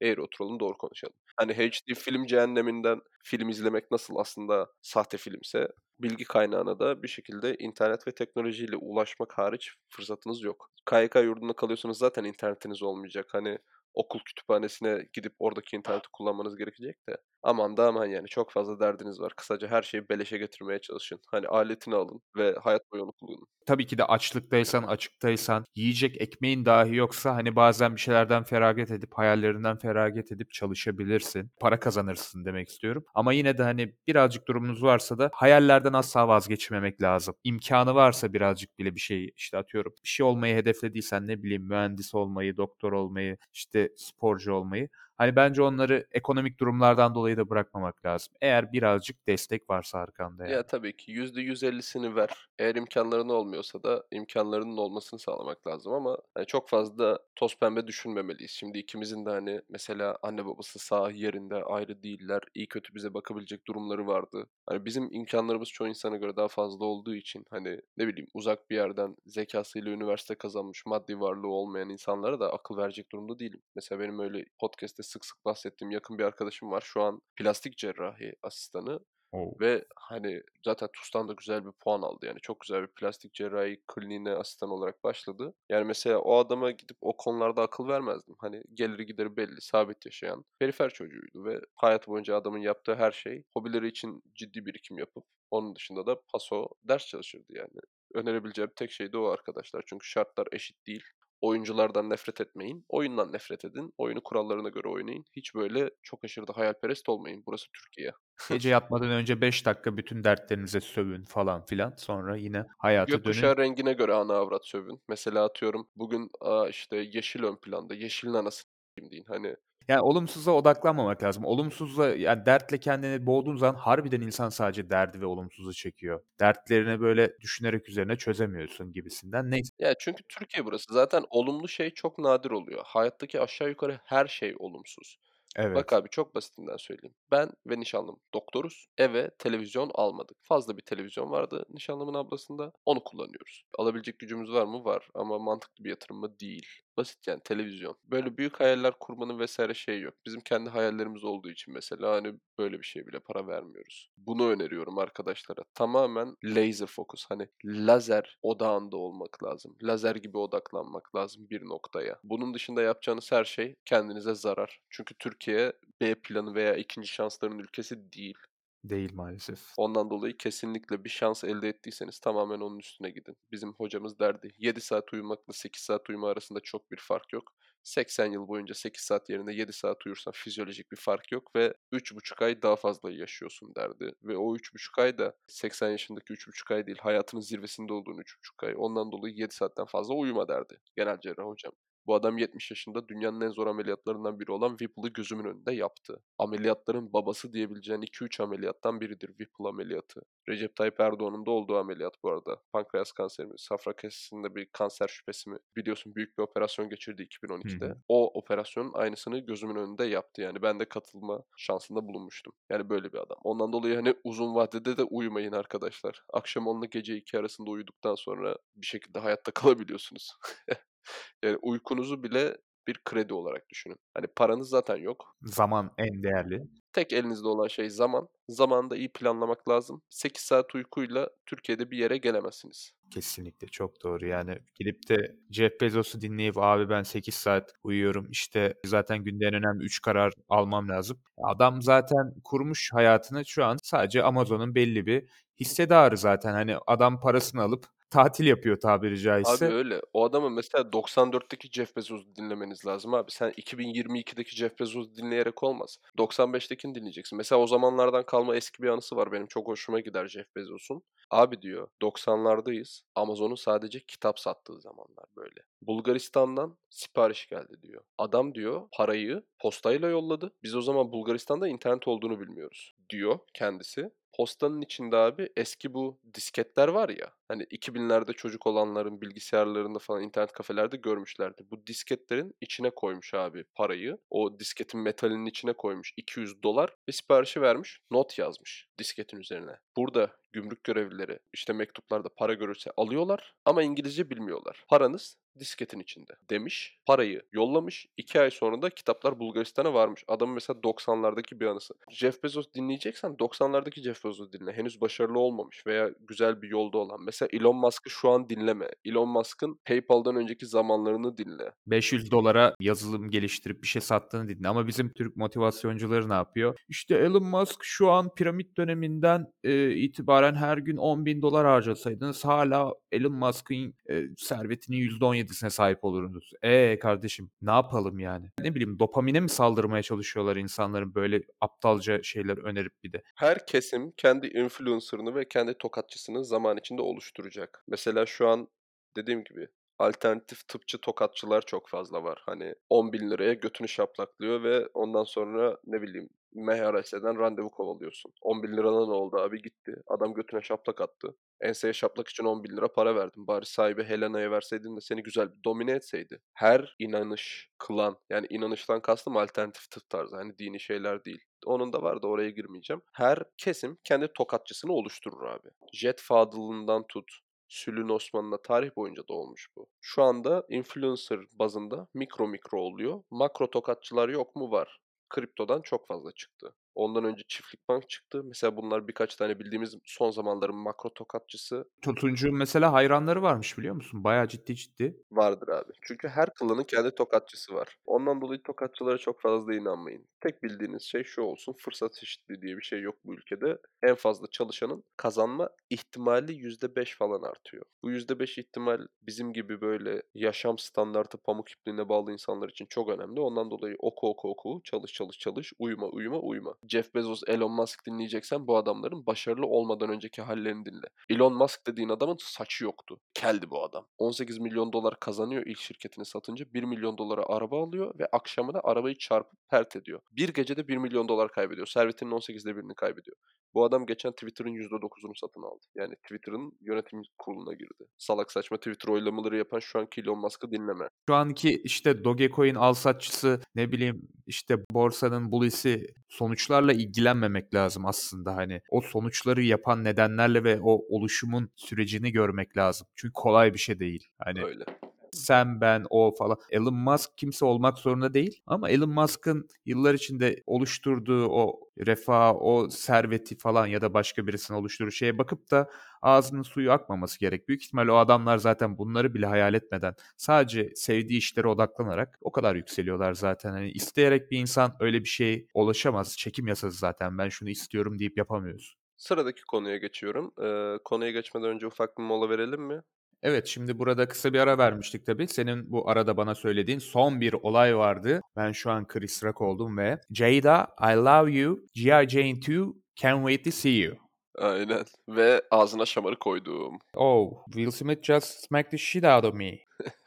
Ama neden? Abi şöyle şimdi kısaca anlatıyorum. Will Smith'in karısı dünyanın en toksik insanlarından biri. Bu kadınla ilgili şöyle sıkıntılar var. Abi bu kadının eski sevgilisi Tupac. Evet. Hani Tupac'ın eski sevgilisi gangsta bir kadın. Hani hiçbir şekilde zaten çok fazla hani böyle bizim standart Türk ailesi kafasında olan biri değil ve açık bir ilişkileri var. Bayağı bu kadının sevgilisi var. Will Smith de ağır bir gavat galiba Will Smith Yani doğru tabii. muyum? Mesela şey var. Ricky Gervais'e soruyorlar tokatlama olayıyla ilgili. Ben diyor saçıyla ilgili espri yapmazdım ki. Sevgilisiyle ilgili espri yapardım diyor. Hani çünkü baya böyle non-disclosure agreement dediğimiz bir olay var arkadaşlar. Şimdi fakirler bilmez ama ünlü insanlar böyle hayatında olan olaylar hiçbir şekilde hukuken taşınamasın diye kamuoyuna böyle anlaşmalar, gizlilik anlaşmaları imzalarlar. Mesela çocuğa da bunu imzalatmışlar. Karşılığında hani bu kadınla sevgili olabilsin diye yani sevgili olduğunu public bir şekilde yayamasın. Ama tabii ki de burası dünya olduğu için öğrenilmiş. Baya böyle kadın ben aile kurmak istemiyorum. Açık bir şekilde evlilik yaşamak istiyorum diyen bir kadındı ve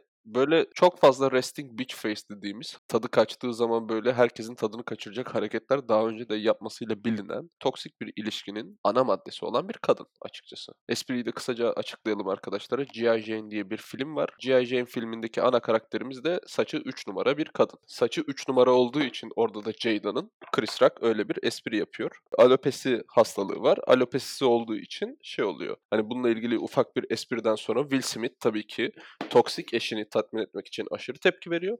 Kendi eşi bile hani ondan sonra Will Smith'e diss atıyor. Zaten şimdi Will Smith'in bununla ilgili yediği cezaları bir hemen kısaca saymamız lazım aslında. Mesela 10 yıl boyunca Oscar'lardan banlandı. Filmlerinin hepsi iptal edildi. Kazandığı akademi ödülünü geri alma planları vardı. Onunla ilgili bilmiyorum da o son durum ne? Twitter'da uzun böyle bununla ilgili bir şey vardı. Ayarlanmış mıydı, ayarlanmamış mıydı bayağı tartışmalara döndü. Büyük ihtimal hani ayarlanmamış gibi duruyor. Ama yani çok abartılı bir tepki değil mi? Yani ne diyorsun sen bu konuda? Yani şimdi Will Smith'in tepkisi tamamen abartılı ama bu sonuçta toksik bir ilişkide bulunan çaresiz bir adam olduğunu da unutmamak lazım. Evet ama Will Smith'sin yani hani koskocaman Will Smith diyorsun hani. Ya şimdi bak yani tabii ki saçmalık ama yani röportajlara çıkıp Jada biz işte bad parents for life deyip hani bad boys for life'la kendisi de dalga geçerek kendilerinin de hani aslında kötü rol modeli olan aile bireyleri olduklarını da kabul ediyor. Şimdi 10 yıl boyunca zaten şey var cezası var akademiye katılmaktan ödül alamıyor. Filmlerin hepsi iptal oldu. Kendi karısı bile diss attı bu olaydan sonra. Bununla ilgili uzun uzun şeyler var. Hani milyon dolarlık kendine milyonlarca dolarlık bir zarar vermekten öteye gitmedi. Bence Will Smith yerinde olsam ben eşimi boşarım. Çünkü hani bu şekilde yaşanmaz. Hani gerçekten çok toksik bir insanla birlikte ve hani Will Smith'sin abi sen. Hani şey değilsin. Sıradan bir insan veya hani mecbur kalmış bir insan değilsin. İlişkideki ünlü olan da sensin. Eşini çok fazla tanıyan da yok Türkiye'de mesela hani.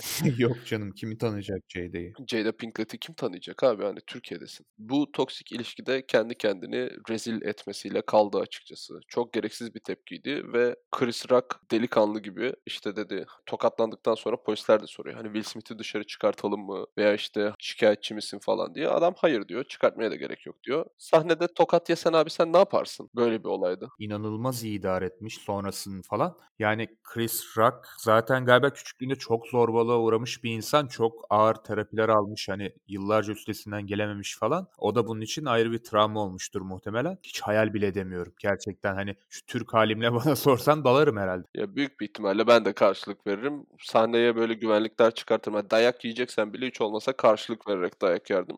Ama bak çok teknik bir tokat. Farkında mısın? Hani baya böyle şey olmuş. Kalçadan çıkarıyor tokadı Tabii tabii. tabii şey hani böyle vücudunu falan arkasına koyup böyle rotasyon yaparak elini böyle dışa çevirerek hani bayağı teknik bir tokat. Bu belli ki film çekimleri sırasında dublörlere falan şey olmuş. Abi hani bu tokat işini nasıl yapıyoruz ya falan diye sorulmuş. Hani bayağı böyle dublörlerden film arasında sigara molalarında eğitim alınarak öğrenilmiş bir tokat olduğu çok belli yani. Güzel de koyuyor, ses de iyi. Chris Rock çok iyi idare ediyor. Gerçekten delikanlılık. Ben bu arada ilk gördüğümde onları şey sandım. Hani şaka yapıyorlar. Çünkü öyle bir dönüyor ve hani Chris Rock da düşmüyor ya o kadar sert tokada. Ben böyle bir rol falan sandım ilk çıktığı saatlerde. Sonradan görünce aa bayağı vuruyor lan falan oldum. Şok oldum. Ama tabii kazananı Chris Rock oldu. Çünkü bu olaydan hemen sonra Chris Rock'ın bütün biletleri tükeniyor abi. Bir dünya fiyat. Kendi aslında büyük kazananı bu durumun. Ya tabii ki büyük kazandı ama işte bu işi de delikanlı gibi idare etmek hani gördüğün gibi Er baba yiğidin harcı Yer değil baba tabii. yiğidin harcı değil. Ve çok delikanlı gibi idare etmiş. Ben kendisini buradan da Chris Rock bizi dinlediğini biliyorum diyerek aslında bir Efe Dal göndermesi de yapalım ama tebrik ediyorum. Ya gerçekten çok iyi idare etmiş. Ben mesela bu kadar iyi idare edemeyeceğimi %100 biliyorum. Ben kesinlikle bu kadar iyi idare edemem. En basitinden ya bu anasını çocuğunun falan hani böyle bir şeyler sahnede kendimi de rezil ederim mutlaka. Hani Chris Rock kadar ya olamam. Ama tabii şimdi bu adamın komedyenlik geçmişi var. Komedyenler biliyorsun yani sahneye çıktıkları zaman mutlaka sarhoş çocuğunun teki "Ee," falan deyip böyle hani bir sahneye laf atar bir şey olur. Hani 10 kişiye gösteri yap. Bir tanesi mutlaka terbiyesiz bilmem ne bir şeyler der yani tadını kaçırır. Adam zaten ondan dolayı çok tecrübeli yılların komedyenliğinden dolayı. Ama yani kesinlikle Will Smith hem kendini rezil etti hem haksız duruma da bol bol düştü. Sorunun asıl kaynağının kesinlikle Jada olduğunu düşünüyorum. Jada gibi biriyle birlikte olsam olmaya devam etmem. Kesinlikle ayrılma, boşanma vesaire tüm opsiyonlarımı değerlendiririm. Zaten kadının bilinen bir tane sevgilisi var zaten şu an aktif olarak kullanılan diye.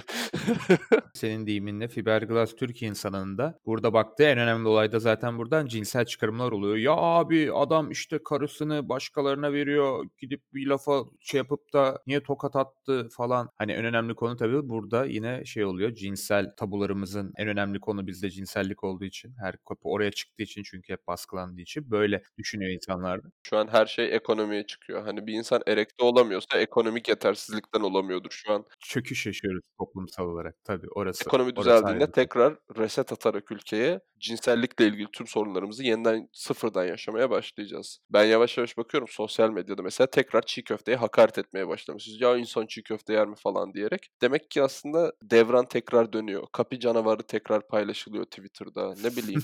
hani yavaş yavaş oralara da geri döneceğiz. Bir ekonomi işini halledelim. Tüm cinsel sorunlarımıza sıra gelecek.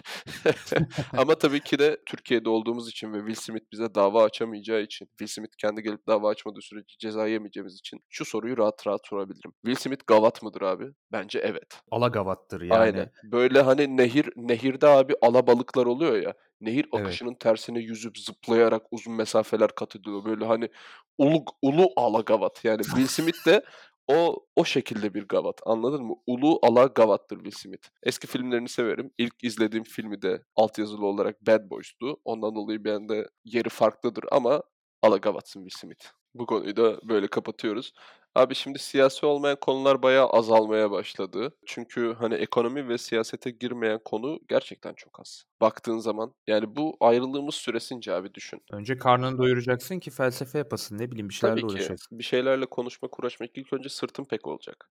Mesela bizim değil. Bizim götümüz kaşındığından dolayı kayıt alıyoruz şu an ama hani insanlar bizi neden dinliyor bazen onu da merak ediyorum ama E abi peki öyleyse ufaktan kapanışa geçelim yavaştan. Bu ayrılığımız süresince nelerle uğraştın abi? Daha çok okula biraz daha zaman ayırmaya baktım. Derslerimi biraz ihmal ettiğimi gördüm çünkü. Sonracığıma biraz daha fazla sosyalleşmeye çalıştım eskiye göre. Ne kadar ekonomi kötüye gitse de hani sonuçta elimiz ayağımız tutuyor belli bir seviye. O yüzden daha çok hani dışarıda vakit geçirmeye çalıştım. Olabildiğince gündelik olaylardan, ülke gündeminden kendimi uzak tutmaya çalıştım. Aslında çok şey değildi ama bazı yapmam gereken şeyleri artırdım diyebilirim. Sen ne yaptın? Biliyorsun sıkı bir çalışma programındayım. Acil sağ olsun. Onun dışında heh, son zamanlarda karantinam daha bugün bitti. Korona oldum. Grip olduğumu sanıyordum. Poliklinik randevum var diye test verdim gripim geçerken ve korona pozitif çıktım. Hani bayağı aktif çalıştığım gün sırasında. Onunla ilgili bir iki bir şey söyleyeyim. Şimdi ben daha önce bu korona sürecinde bol bol grip olduk. Hatta bir ara böyle zehirlenmeden dolayı hastaneye yatışımız bile oldu. Sağlık sorunları yaşadığımız bir dönemdi bu iki yıl aslında ufak tefek. Hepsinde PCR'larımız negatif geldi korona testlerimiz. Bu sefer düzeldikten sonra verdiğim PCR pozitif geldi ve o pozitif geldikten bir iki gün sonra yine biraz daha kötü geçti. Karantinanın son 5 günü iyi geçti. Hani şey muhabbeti var ya. Abi ben bir ara çok kötü grip olmuştum. O arada kesin koronaydım. PCR'ın pozitif değilse korona falan değilsin. Biz de yani öyle kötü grip geçirdik. Hepsinin PCR'ı negatifti. Koronanın gribi bir başka ve düşün. 4 tane aşımız var. Hiçbir yandaş hastalığımız yok. Genciz çıtırız. Ona rağmen korona biraz insanı sarsıyor. Yani ben mesela şansım ne oldu? Bu poliklinik randevusu için tomografi vesaire falan çektirmiştim. Kanlarım, tomografim hepsi temizdi. Aktif böyle güçlü ciğer tutulum vesaire olan bir korona geçirmememe rağmen biraz sarsıldım. Başka neler oldu? Dediğim gibi genel olarak çalışmaya yönelik oldu. Almanca çalışmaya başladım tabii ki. İngiltere sınavlarının tarihlerinden dolayı rotamı Almanya'ya çevirdim. Onun dışında da Xbox almıştın sanki oyun oynuyor musun? yani arada oynayabiliyorum. Bazen boş olduğum günler bu aralar biraz fazla arttı ama oynamamaya çalışıyorum. Çünkü Xbox gerçekten mesela şimdi senelerce oyunları YouTube'dan izledikten sonra Xbox'ı alıyorsun abi. Bir de Game Pass'ini ayarlıyorsun. Game Pass de güncel oyun veriyor tabii ki ama gidiyor 2017'nin oyununu da veriyor. Sen 2017'de oyun çıktığında oynayamamışsın. Çünkü bilgisayarın yok, bir şeyin yok. Şimdi var. 2017'de yaşayamadığın, hani geçmişte yaşayamadığım oyunları da tekrar. Mesela abi Shadow of War 2015 mi 16'nın mı ne oyunu? Yüzüklerin Efendisi'nin bir oyunu. Çok güzel bir oyun ama ben çıktığı zaman oynayamadım. YouTube'da güncel videosu bile yok. Tüm videoları eski. Çok keyifli bir oyun ama herkes artık tadını ala ala bitirmiş. Hani şu anki Elden Ring popülerliği gibi düşün. Hani ben çok pahalı diye oyunu almadım. Bir de o tarz oyunları çok oynamıyorum zaten. Hiç oynamadım. Ondan dolayı büyük bir ihtimalle Elden Ring'i de yani indirime girdiğinde bir ara alıp deneyeceğim. Ama yani düşün yani 2025'te Elden Ring'i oynayan bir oyuncu gibi hissediyorum. Zamanında oynayamadığım oyunları tekrar tecrübe etmek biraz garip geliyor. Hani yaşayamadıklarımı yaşamakla biraz meşgulüm. Ee, onun dışında Xbox yani FIFA 22 oynuyorum. En son sana bayağı fark atmıştım sanki oyunda. Ya yine nispeten biraz daha iyiydik. Yani ben ultra ofansifle en iyi ikinci adam olma yolunda devam ediyorum. İsmet İnönü, Mr. Spock ve ben. Hani en iyi ikinciler. İkinciliği asla kaptırmayan grup olarak biz devam ediyoruz. Masa tenisi ve FIFA'da şu an için senin üstünlüğünü hala kıramadığımdan dolayı. Ama daha aktif oynayacağım. O kadar da olsun abi. Daha aktif oynayacağım ve seni orada da tokatlayacağım yani. Şimdi yavaş yavaş seviyemi arttırıyorum. FIFA'da idmanlıyım. Yani herkesle ödetmesini yapıp kazanıyorum. Tabii boş zamanlarımızda da bu aralar biraz FIFA oynuyoruz. Onu da unuttum söylemeyi. Gayet de iyi gidiyor yani biraz herkes PSG'yi alıyor. Paris Saint Germain alıyor. Biraz hileli bir takım ama güzel yani. Gayet keyifli. Atalım tekrar. Atarız mutlaka. Abi bu arada bir de Ramazan vakti geldi. Herkesin işte Ramazan'ını kutlarız. Allah kabul etsin vesaire. Artık bayramı olmadığı için bayram öncesi Ramazanınız mübarek olsun mu denir bilmiyorum ama Ramazan vaktiyle ilgili şöyle ufak bir anekdot geçelim. Ramazan'ın ilk dayağı abi bu sefer bir çılgınlık yapıp Edirne'den geldi. Ve dayak da Hmm. normalde hani Ramazan dayağı nasıldır? Aa burada bir şeyler yiyip içiyorsunuz deyip oruç tutan biri saldırır ya. Bu sefer şey olmuş abi. Oruç tutan biri ya işte Ramazan'da bir şey yenir içilir mi diye birine laf atıyor Edirne'de adamı dövüyorlar. Edirne, Edirneliğini konuşturup ters Ramazan dayağı atarak yani bu seneki tüm iddiaların kaybedilmesine yol açtı. Ben Konya'ya basmıştım. Yine Ramazan'ın ilk dayağı mutlaka Konya'dan gelir diye düşünüyordum. Konya'dan gelmedi. Edirne olarak. Ben de Hiç şaşırdım. beklemediğim bir yerden geldi. Yani 7 artı tutturmak gibi bir şey iddiada Edirne'den ilk dayağın gelmesi. Bu biraz şaşırttı. Yani normalde hiç beklemediğin şeyler oluyor. Mesela Adana'dan bayağıdır haber gelmiyor. Garip. Hah Adana demişken son bir kez son bir konuyu daha bahsedelim de hemen bari onu. Abi şey gördün mü? İngiltere'de bir adam var. Bu İngiltere'nin çöpleri nereye gidiyor diye çöplere tracker koyuyor. Bir tanesi geri dönüşüme gidiyor. iki tanesi tüm Avrupa'ya geçip Adana'ya geliyor ve Adana'da yakılıyor. O videoyu gördün mü? Hayır. Abi çok, çok korkunç bir olay şöyle. Şimdi biz zaten Avrupa'nın en fazla çöpünü ithal eden ülkeyiz. Yani bayağı insanlar bize para veriyor. Diyor ki biz çöp istemiyoruz alın sizde dursun. Türkiye'de geri dönüştürülebilecek bu çöplerin hepsini abi yakıyor, yıkıyor, imha ediyor. Ortalığın basit bir şekilde anasını belliyor. İngiltere'de bir tane adam var diyor ya acaba bu geri dönüşümde verdiğimiz çöpler ne kadar geri dönüşüyor? Abi 3 tane takip cihazı koyuyor. 3 tane farklı geri dönüşüm çöpüne. Bir tanesi harbiden İngiltere'de bir tane geri dönüşüm merkezine gidiyor ve orada takip cihazının işi bitiyor. Yani büyük bir ihtimalle geri dönüştürüldü.